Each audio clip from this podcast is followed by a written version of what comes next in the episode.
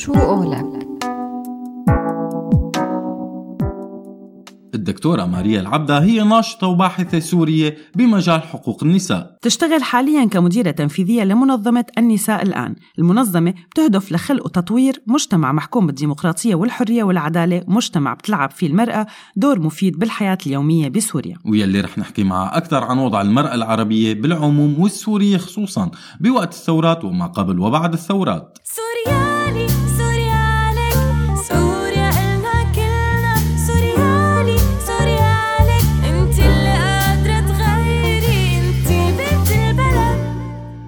الدكتورة ماريا العبدة المديرة التنفيذية لمنظمة النساء الآن. أهلا وسهلا فيك ضيفة عزيزة ببرنامج من سيرة لسيرة على هوا راديو سوريالي. مساء الخير دكتورة.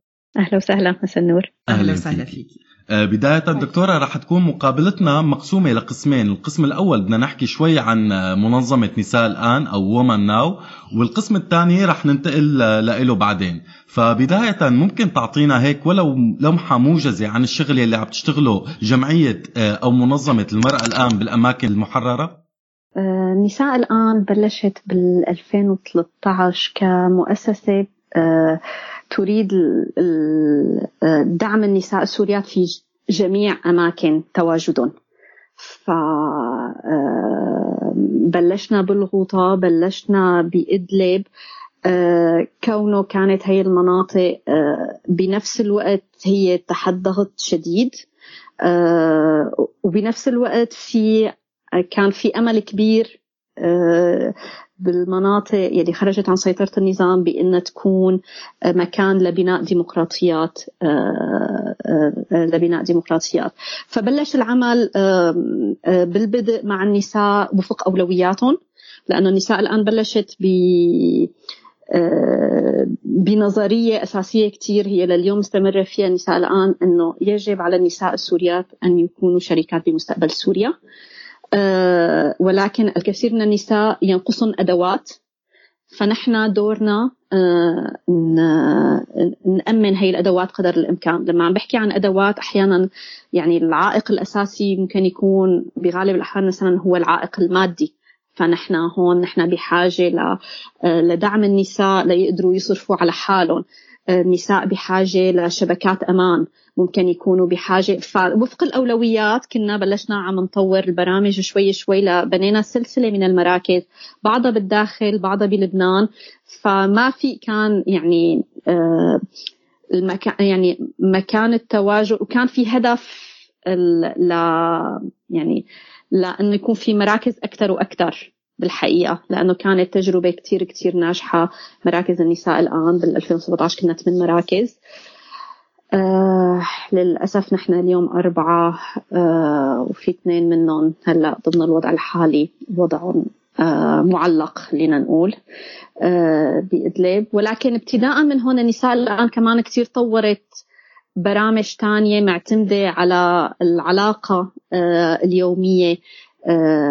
مع النساء آه، اللي هو سواء آه، برامج آه، قيادات برامج حماية معينة آه، برامج آه، تعنى آه، بعائلات المفقودين وإيصال صوتهم آه، برامج تعنى آه، بأولويات النساء والمناصرة لها فكمان النساء الآن لعبت كتير دور كبير لإيصال صوت النساء على المحافل الدولية.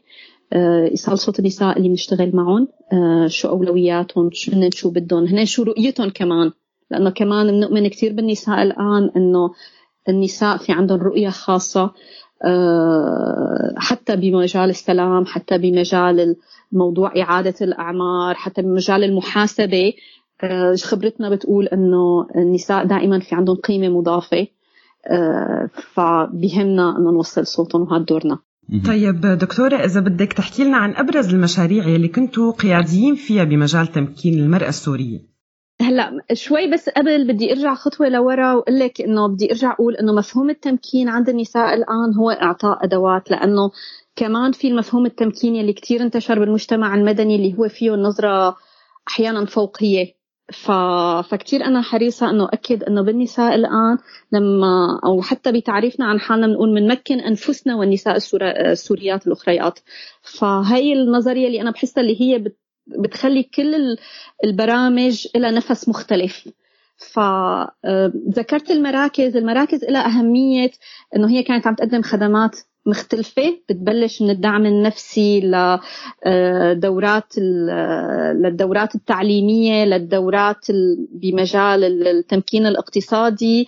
آه، يعني من دورات الخياطة لتعليم الإنجليزية آه، لبناء القيادات النسائية.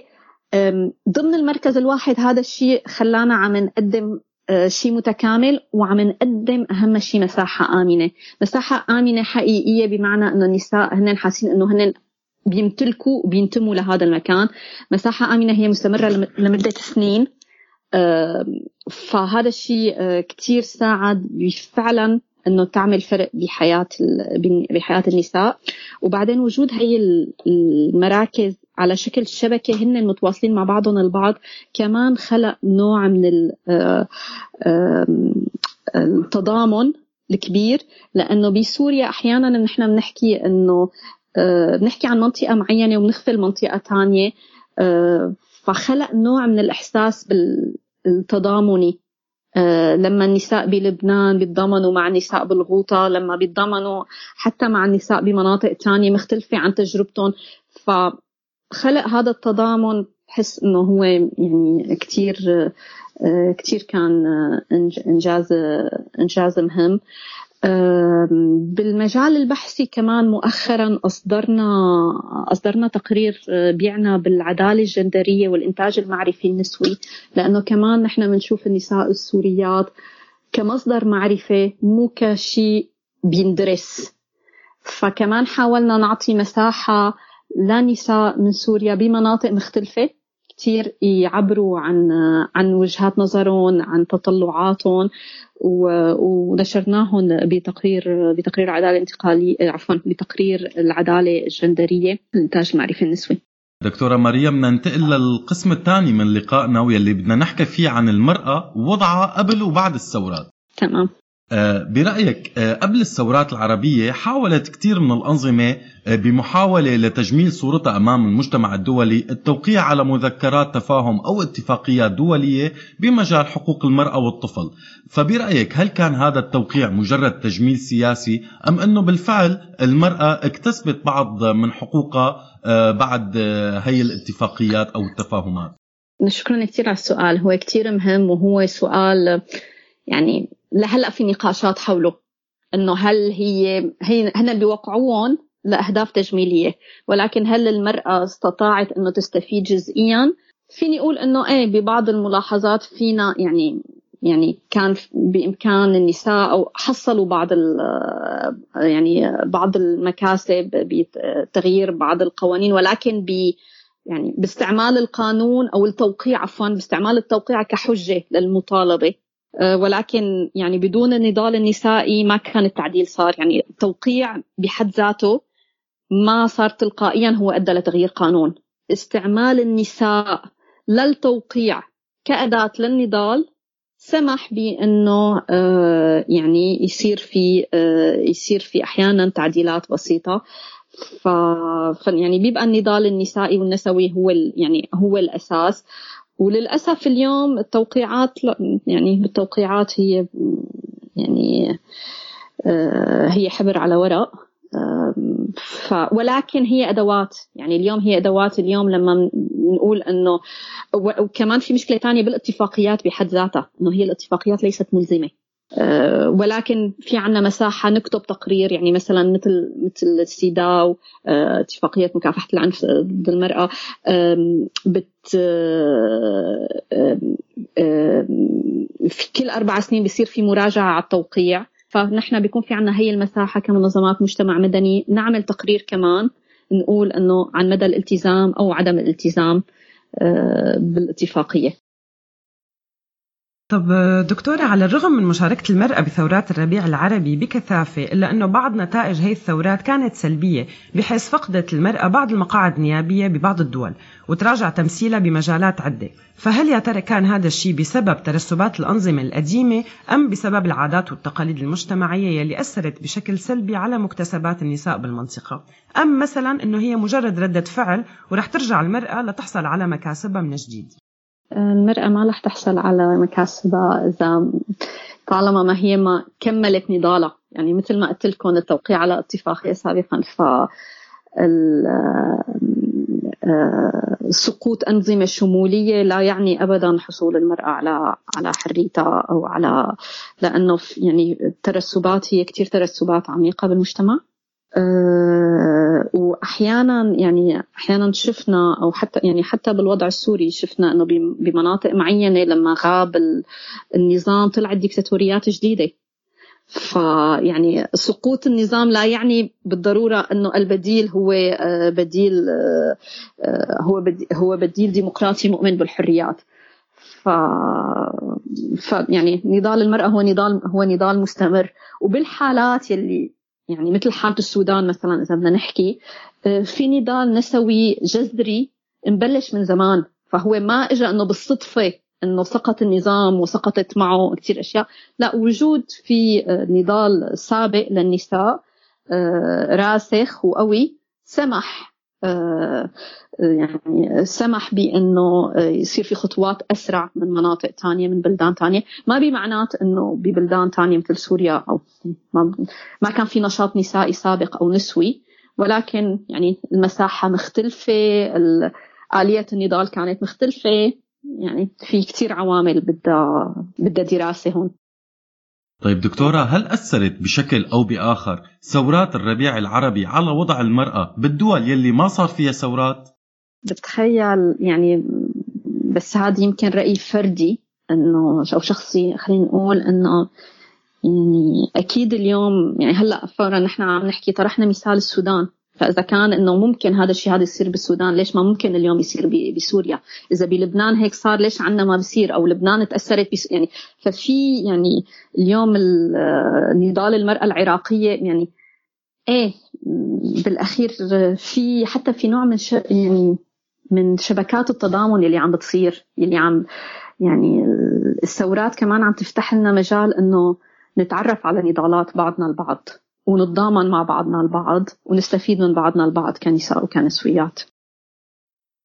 طب على الرغم من كل شيء صار بالثورات العربية وبالربيع العربي هل بتشوفي أنه المرأة العربية عموما والسورية خصوصا استطاعت أنه تخلق آه، مفهوم جديد بسبب هي الثورات؟ وأنه المرأة السورية مثلا تحررت بسبب عوامل عديدة منها الاطلاع على تجارب دول أخرى من خلال لجوءا مثلا؟ صعب كتير بظل الدمار السوري نحكي عن يعني عن تحرر. فينا نقول إنه صار في تغير بنيوي بالمجتمع. هذا التغير البنيوي جزء يعني جزء منه أكيد كان يعني نحن بنذكره بالتقرير إنه صار في في حواجز انكسرت. في حواجز انكسرت في أدوار تغيرت آه، أكيد آه، فهذا الشيء هذا فيه يكون فرصة بمساحة معينة لنرجع نكتب تاريخنا الجديد بطريقة أخرى. النساء فيها عم بتعبر عن منظورها بالمسائل السياسية والعسكرية معناتها مو العسكرية كحرب وإنما ك هي كيف بتشوف العسكرة وتأثير العسكرة على الحياة ومشاركتها بالاقتصاد. فأكيد يعني ضمن هذا الخراب يعني في تغيير جذري عم يصير بالمجتمع. أو خلينا نقول إنه بعض الآثار المدمرة للشيء اللي صار هو لأنه آه، تراكب تراكب الأزمات بمعنى إنه مثلا المرأة التي آه، التي فقدت معيلها وهي كانت محرومة من التدريس هي اليوم عرفت إنه هي ما رح تكرر هذا الشيء هذا مع مع بناتها لأنه هي شافت هذا الشيء شو أثر عليها. فخلق نوع من الوعي بالحقوق يعني تمام طيب دكتورة هل بتعتقدي إنه الحريات يلي عم تحصل عليها النساء اللاجئات هلأ بدول أوروبية وقدرتهم على الخروج من عباءة المجتمع العربي رح تنعكس بشكل إيجابي على النساء العربيات بالعموم سواء بالداخل الدول العربية أو خارجها وإذا إيه كيف ممكن تنعكس؟ هلأ أول شيء بفضل إنه نساء المنطقة لأنه في عنا نساء عربيات في عنا نساء غير عربيات ف شوي بتحفظ على عربيات. إذا ما رحنا يعني أول أول شيء يعني قبل ما نروح على أوروبا نحن بتجربتنا بالعمل في لبنان آه، كان في شيء كان في تجربة عنا كثير إيجابية. أنا يعني آه، دائما بحب اذكرها هو دعوة المنظمات اللبنانية لنا آه، نشارك بنشاطات لمكافحة قانون تزويج الطفلات بلبنان. فضمن التعامل ضمن يعني فكانت تجربة جديدة لنا وللصبايا بلبنان إنه كيف نحن منخوض عملية تغيير قانون لما بيكون في عنا مساحة ونشغل على مسرحيات ونشغل هيك. ففي فأكيد هذا الاحتكاك بيخلق مساحة مثل ما بيخلق كمان مساحة معاكسة. يعني كمان حتى نحن بلبنان ببعض المناطق كان في نساء لبنانيات ما بيقدروا يسوقوا كانوا بيستغربوا إنه النساء السوريات ممكن يكونوا بيسوقوا.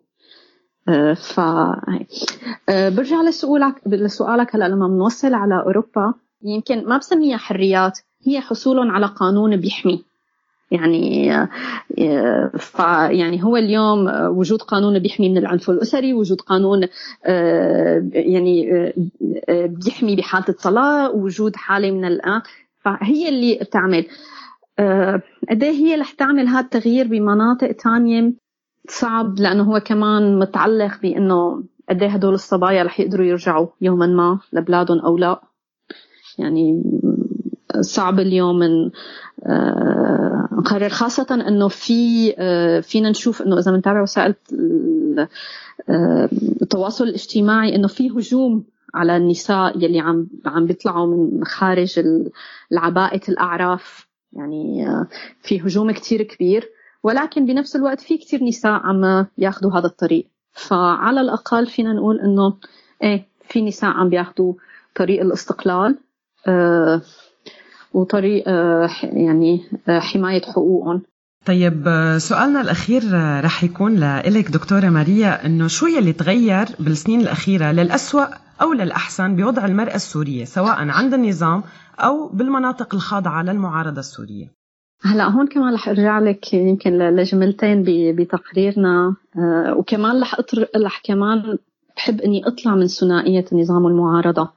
لأنه في كثير مناطق بسوريا. اليوم في عندك مناطق تحت سيطرة قوات سوريا الديمقراطية المناطق اللي تحت سيطرة النظام منا كلها بنفس السوية المعارضة كمان في يعني ف فاليوم يعني يعني الكل مصاب. الجميع بلا استثناء مصاب. ف يعني هي يعني هي أكثر شيء يمكن بحزن إنه إنه كلياتنا يعني الكل جميع متضرر ومتألم. إذا بدي أقول في في شيء إيجابي هو يعني الشيء اللي أنا شخصيا دائما بيعطيني طاقة هو وجود أجيال من النساء القياديات الكتير مهمات ويلي عم بيقدروا يخلقوا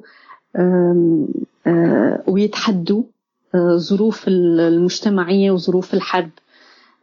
من يعني ابتداء من المرأة اللي عم تطلع لتعيل أسرتها للي عم توصل لدور قيادي محلي مجتمعي أو سياسي. اليوم في ما قلنا في كثير حواجز انكسرت. يعني بتمنى على الأقل نحافظ على هذا المكتسب. إن شاء الله يا رب. نهاية دكتورة شكرا لك ويعطيك ألف عافية وعن جد كان الحديث شيق معك وبنتمنى لكم التوفيق أكيد بمنظمة شكرا. النساء الآن. شكرا لكم شكرا كثير. يعطيك العافية. شو قولك